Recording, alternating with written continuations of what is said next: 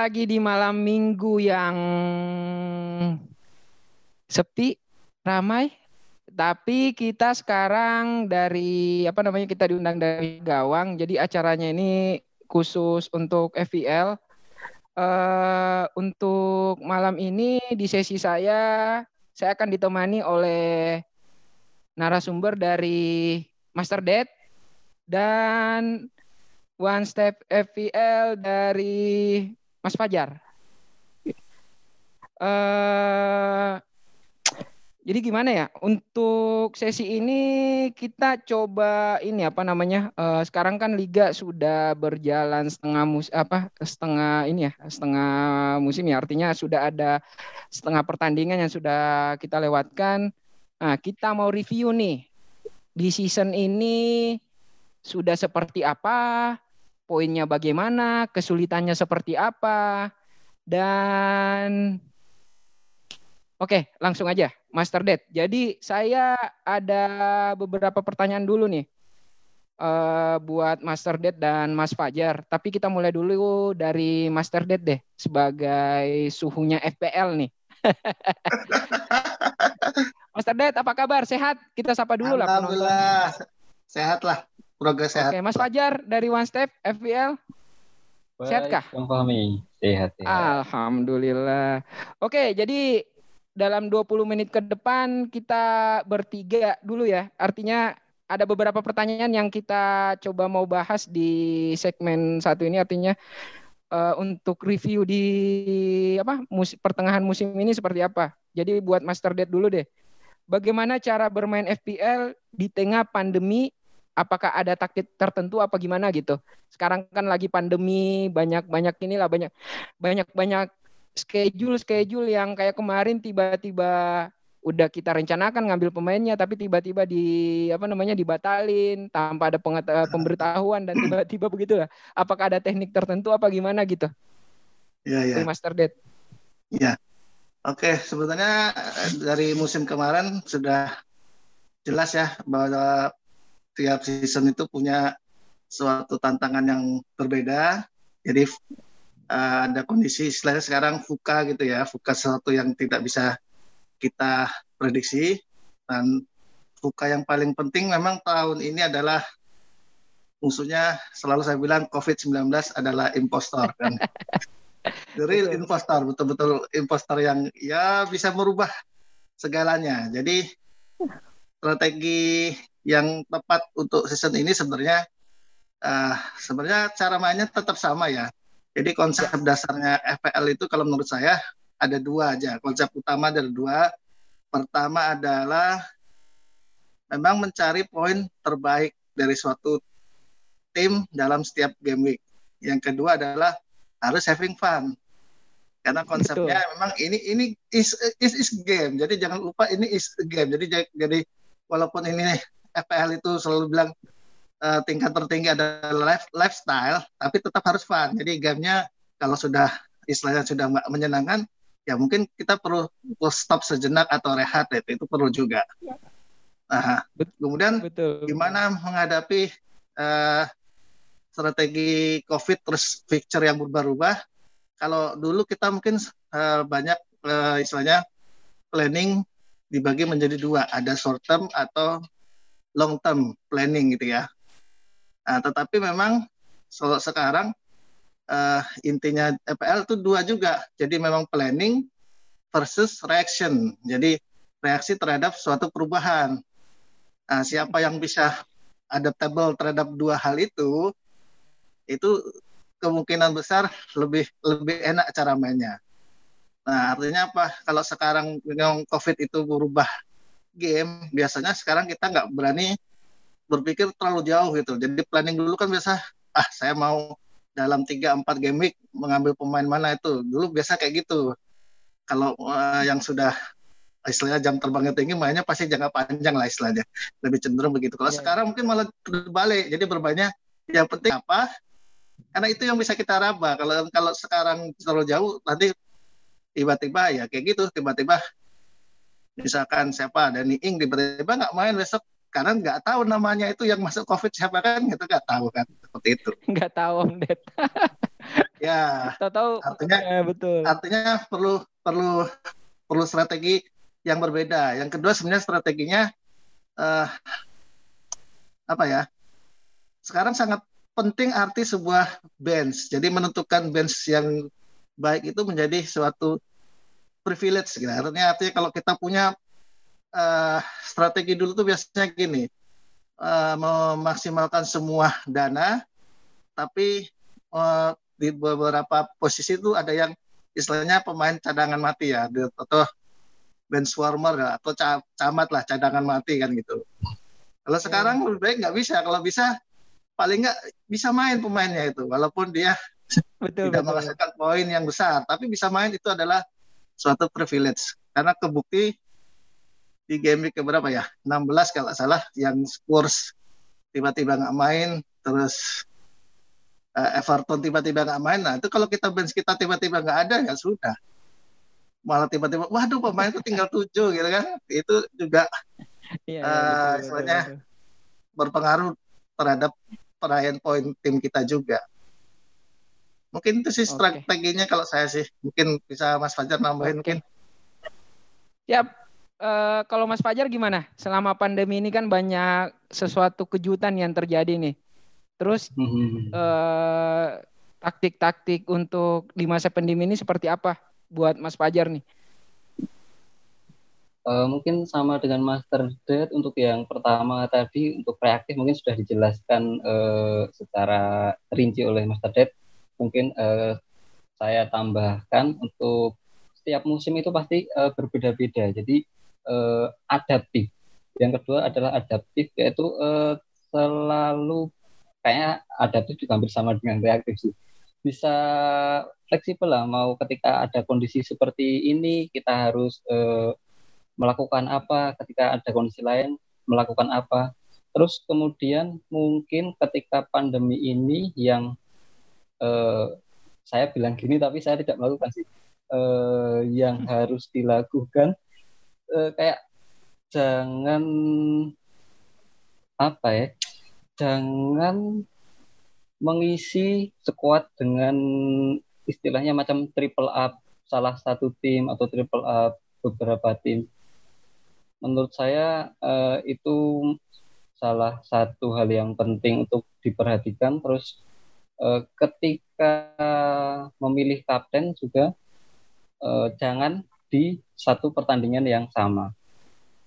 Mungkin itu. Tapi meskipun saya ngomong gini, eh, kondisi saat ini saya punya tiga pemain City sama tiga pemain Aston Villa. Jadi saya take take the risk lah. Harusnya tidak disarankan sih.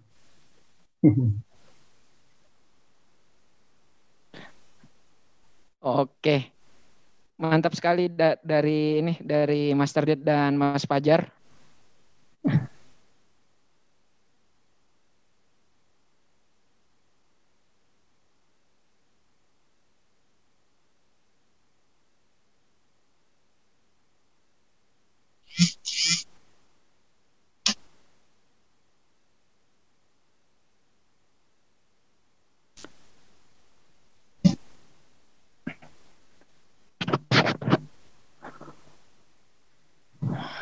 Mana mi ngelek kah? Oke. Jadi uh, apa namanya? Uh, tadi uh, sarannya sangat bagus dari Master Ded dan Mas Fajar. Tapi ada satu hal juga yang saya dapat tadi dari Master Ded, ya FPL itu di bawah fun. Jangan tiba-tiba panah merah, tahu-tahu besok asal lambung. Kepikiran, malas ngapa-ngapain itu nggak benar itu. Jadi kita bawa fun aja dan dibawa santai gitu. Ini kan ini kan juga tetap game dan having fun. Jadi bagaimana caranya kita buat mengatur tim biar tetap fun dan ya seperti itulah. Oke, ada pertanyaan kedua. Uh, ini kan apa pelajaran yang bisa diambil dari setengah musim pertama FPL berjalan ini? Gimana Mas Fajar dulu deh.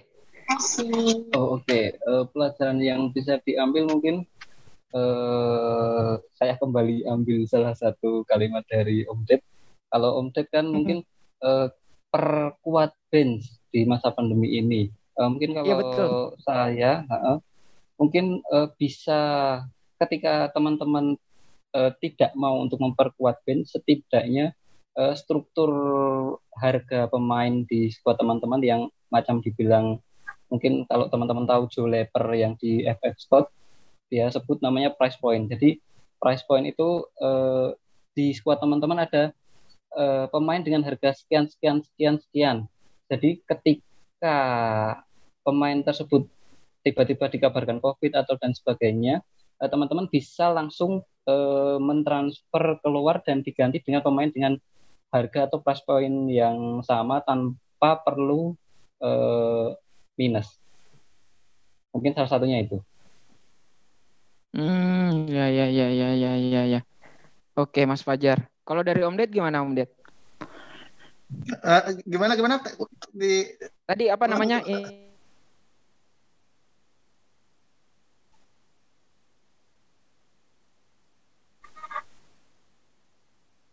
Gimana Mi?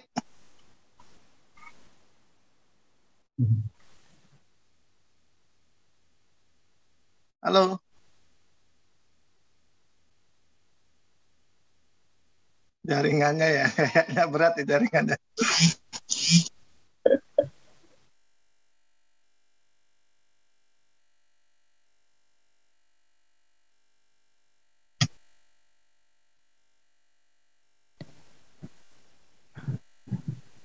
Gimana Mi tadi Mi?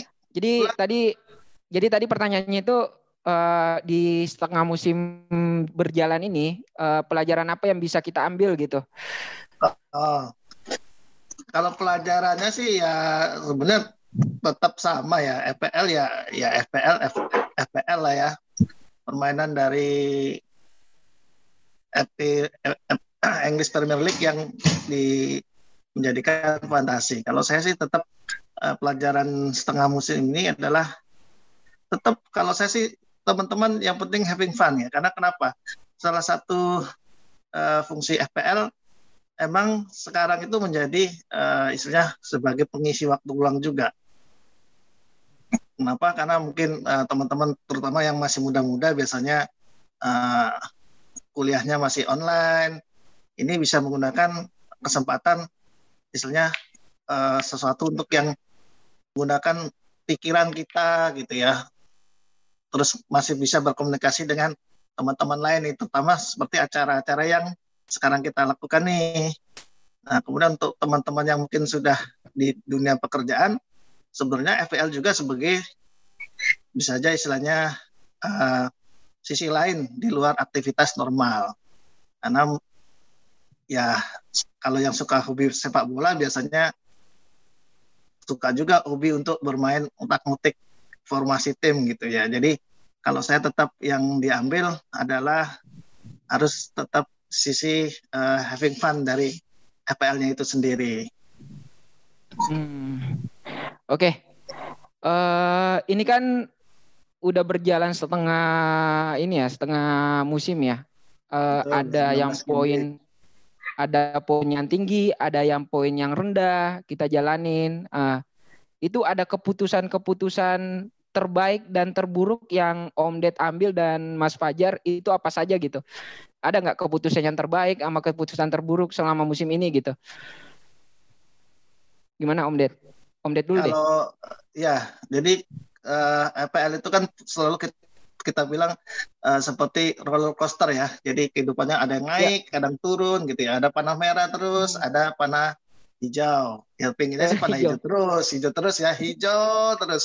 Persis kayak di FDR warnanya green green green wah ini katanya hijau hijau royo katanya. Jadi uh, keputusan yang terbaik dan terjelek itu pertama kalau saya sih uh, yang pertama adalah kalau terjelek ya terjelek itu pertama adalah uh, di awal musim memang. Kenapa di awal musim itu karena saya punya istilahnya pemain-pemain yang yang nilainya zong atau saya bilang kadang pemain berkumis lah. Apa itu berkumis? Berkumis itu pak pemain yang nilainya minus atau dapat kartu merah gitu ya. Ini istilah di FPL ya, pemain berkumis istilahnya. Iya iya iya. Model-model uh, di awal-awal itu ada pemain Sheffield ya, misalnya Egan itu yang wah itu kayaknya flip coin antara ngambil pemain SHU atau waktu itu yang uh, bagus adalah uh, uh, pemain Wolf ya si Sais tapi ternyata Sais pun menurun. Nah, ya sempat, sempat ini sempat istirahat panjang dia.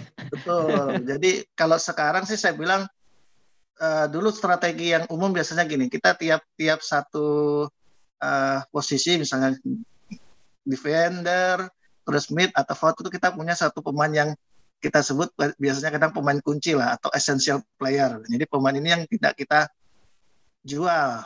Biasanya adalah pemain-pemain yang memang uh, punya karakteristik menghasilkan poin yang tinggi dalam satu musim. Tetapi kenyataannya kalau sekarang hampir tidak ada pemain yang esensial. Jadi keputusan itu memang betul-betul adaptif sebenarnya. Jadi kapan uh, ada waktunya mengambil pemain yang terbaik, nah salah satu decision yang terbaik sebenarnya waktu itu sempat ramai adalah uh, mengambil empat maskitirs ya, empat maskitirs. Siapa tuh empat maskitirs ya? Pasti udah tahu semua lah.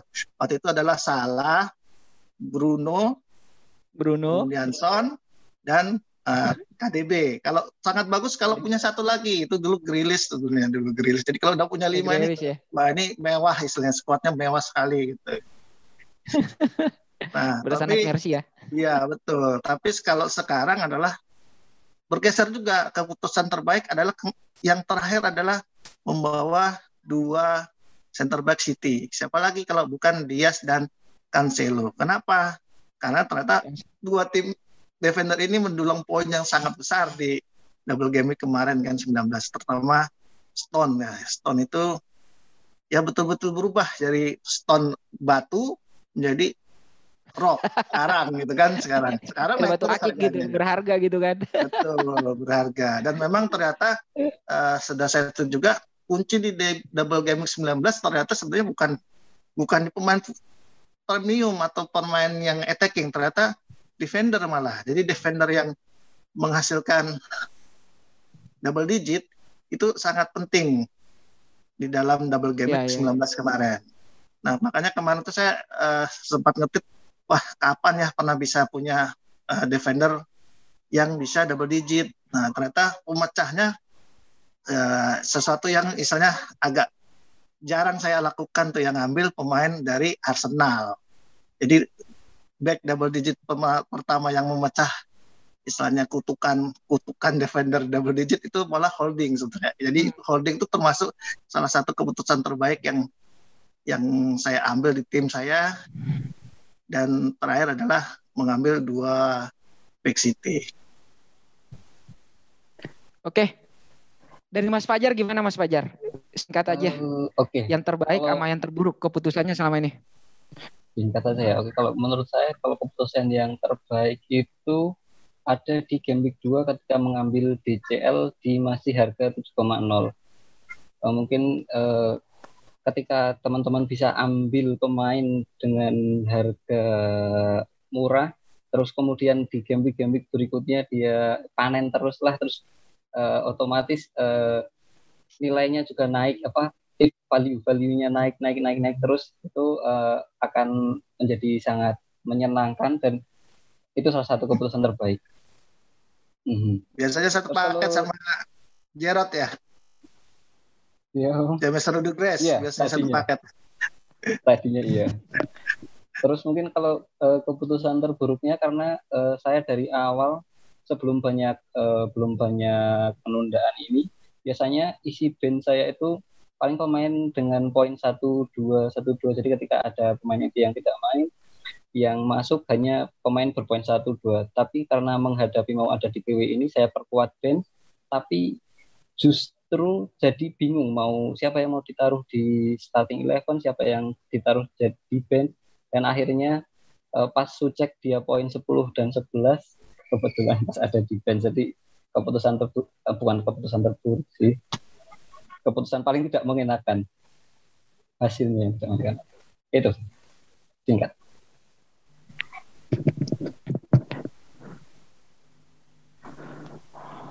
Bang Fahmi Oke, uh, ini yang terakhir nih. Uh, masih ada nggak pemain yang masih dipertahankan dari game week 1? Dan yang terakhir lagi, pemilihan kapten untuk musim ini seperti apa?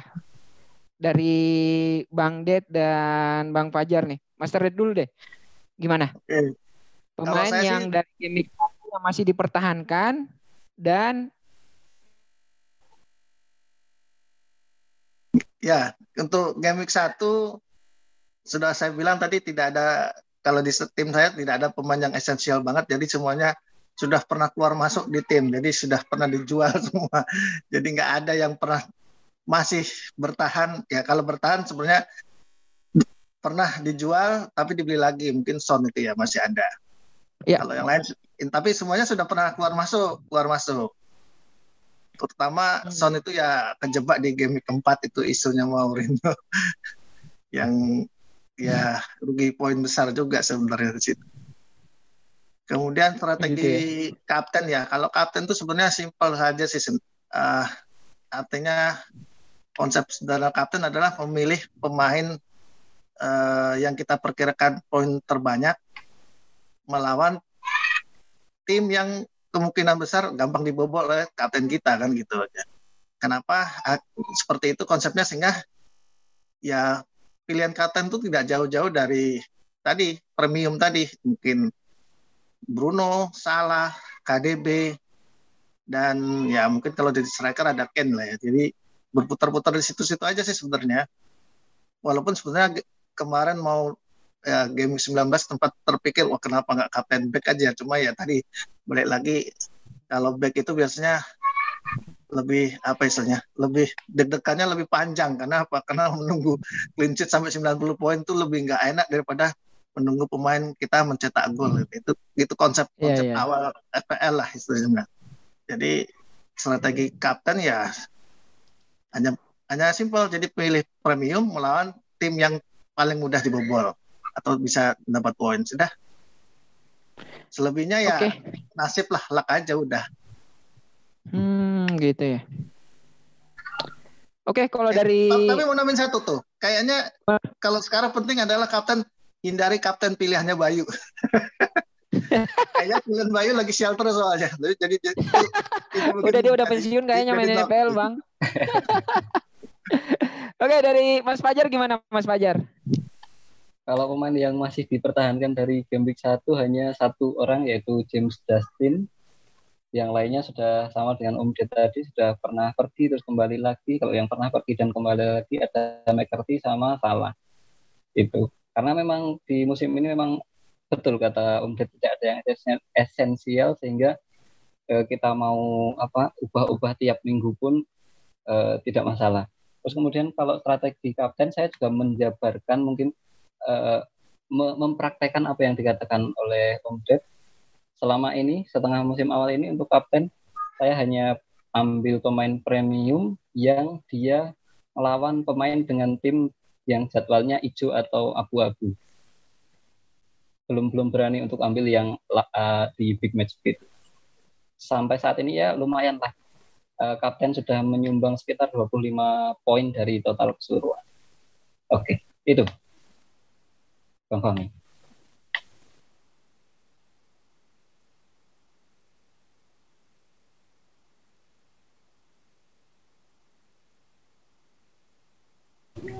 Wah, oke. Okay. Wah, tahu kan di sini. Ya. Uh, ya, gimana? Jadi, thank you banget untuk ini ya, untuk insight-insightnya ya dari review setengah musim kemarin. Uh, tadi banyak beberapa poin juga yang yang aku petik sih soal apa ya reaktif tadi ya.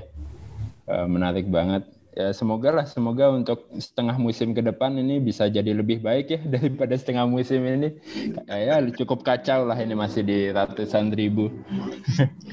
Nah ini nambahin juga nih biasanya teman-teman itu kalau setengah musim itu mereviewnya terhadap target awal. Ya nanti ya. Lagi rekaman dulu. Jadi terhadap target awal kita seperti apa? Biasanya teman-teman kan ada yang ingin menjadi juara ML atau kalau saya sebenarnya sekarang uh, eh, ML itu adalah susah diukur lah misalnya karena karena persaingannya sekarang tambah ketat juga. Jadi uh, paling ideal sebenarnya biasanya kalau udah main internasional kita standarnya adalah OR atau sebenarnya poin sebenarnya. Kalau OR itu relatif berdasarkan jumlah peserta. Jadi kalau pesertanya makin banyak, ya OER-nya makin kemungkinan makin rapat-rapat dan uh, susah juga untuk diukur uh, berapa. Tapi kalau kita standar poin misalnya uh, ini biasanya konsepnya Mas Fata juga. Saya nggak mikirin poin orang berapa, posisi orang berapa. Yang penting target saya poin sekian beginilah yang saya kejar itu gitu. Jadi ya jadi uh, 19 ini sebenarnya kita mereview uh, setengah musim ini kita sudah mencapai target uh, kita di akhir musim berapa gitu ya. Biasanya kalau di awal tahun itu biasanya karena dulu itu uh, setengah tahunnya persis di pergantian tahun, jadi kita biasanya ada istilahnya review ulang targetnya di tahun oh, 2021 iya, iya. ya kan gitu ya. Misalnya 2020 saya ingin targetnya 10 10k misalnya. Ternyata baru game 19 kok sudah 100 k aja kok susah gitu kan biasanya hmm. oh targetnya turunin dah jangan jangan 10 k lah 50 k misalnya. Biasanya itu juga uh, salah satu buat tips teman-teman untuk supaya uh, apa namanya tetap having fun. Jadi targetnya nggak ketinggian. Karena saya lihat juga ada teman-teman yang ya mungkin uh, ya mungkin ambisi juga. Jadi targetnya tinggi banget gitu. Ada yang memang targetnya per poin tiap game week berapa gitu. Tapi kalau nggak tercapai, ya kadang jadi sambatnya over juga kan. Jadi tetap oh. kuncinya uh, fun lah. Nah, seperti Kang Cis biar apa namanya always Captain Son, Son mau jelek pun ya tetap tetap posisinya senyum kan. nggak perlu jadi tukang petani eceng gondok kan. Ah, oke oke oke oke. Ah, ya sip. Berarti thank you banget uh, yang bisa diambil ya. Ya kita punya target masing-masing. Uh, setengah musim ini kita kaji lagi seperti apa. Ya kalau memang targetnya ketinggian disesuaikan lah supaya kita main uh, eh, FPL ini tetap having fun lah biar imunnya juga tetap tetap bagus ya. Jangan oh. sampai gara-gara main FPL imunnya turun. Itu mending ya install aja. Asal lambung naik. Uh, oke. Okay. uh, makasih banget untuk Mas Update untuk Mas Fatah sama Mas Fahmi ya untuk udah mengisi sesi pertama ini. Uh, habis ini kita akan ada sesi yang nggak uh, kalah seru ya tentang Liga Mini League FPL nanti akan diisi oleh uh, Daeng, uh, Zafira dan akan dipandu oleh Pisang Ijo ya. Oke, okay, uh, mungkin bisa untuk siap-siap untuk sesi kedua. Thank you banget semuanya. Sampai ketemu di sesi kedua. Oke. Okay.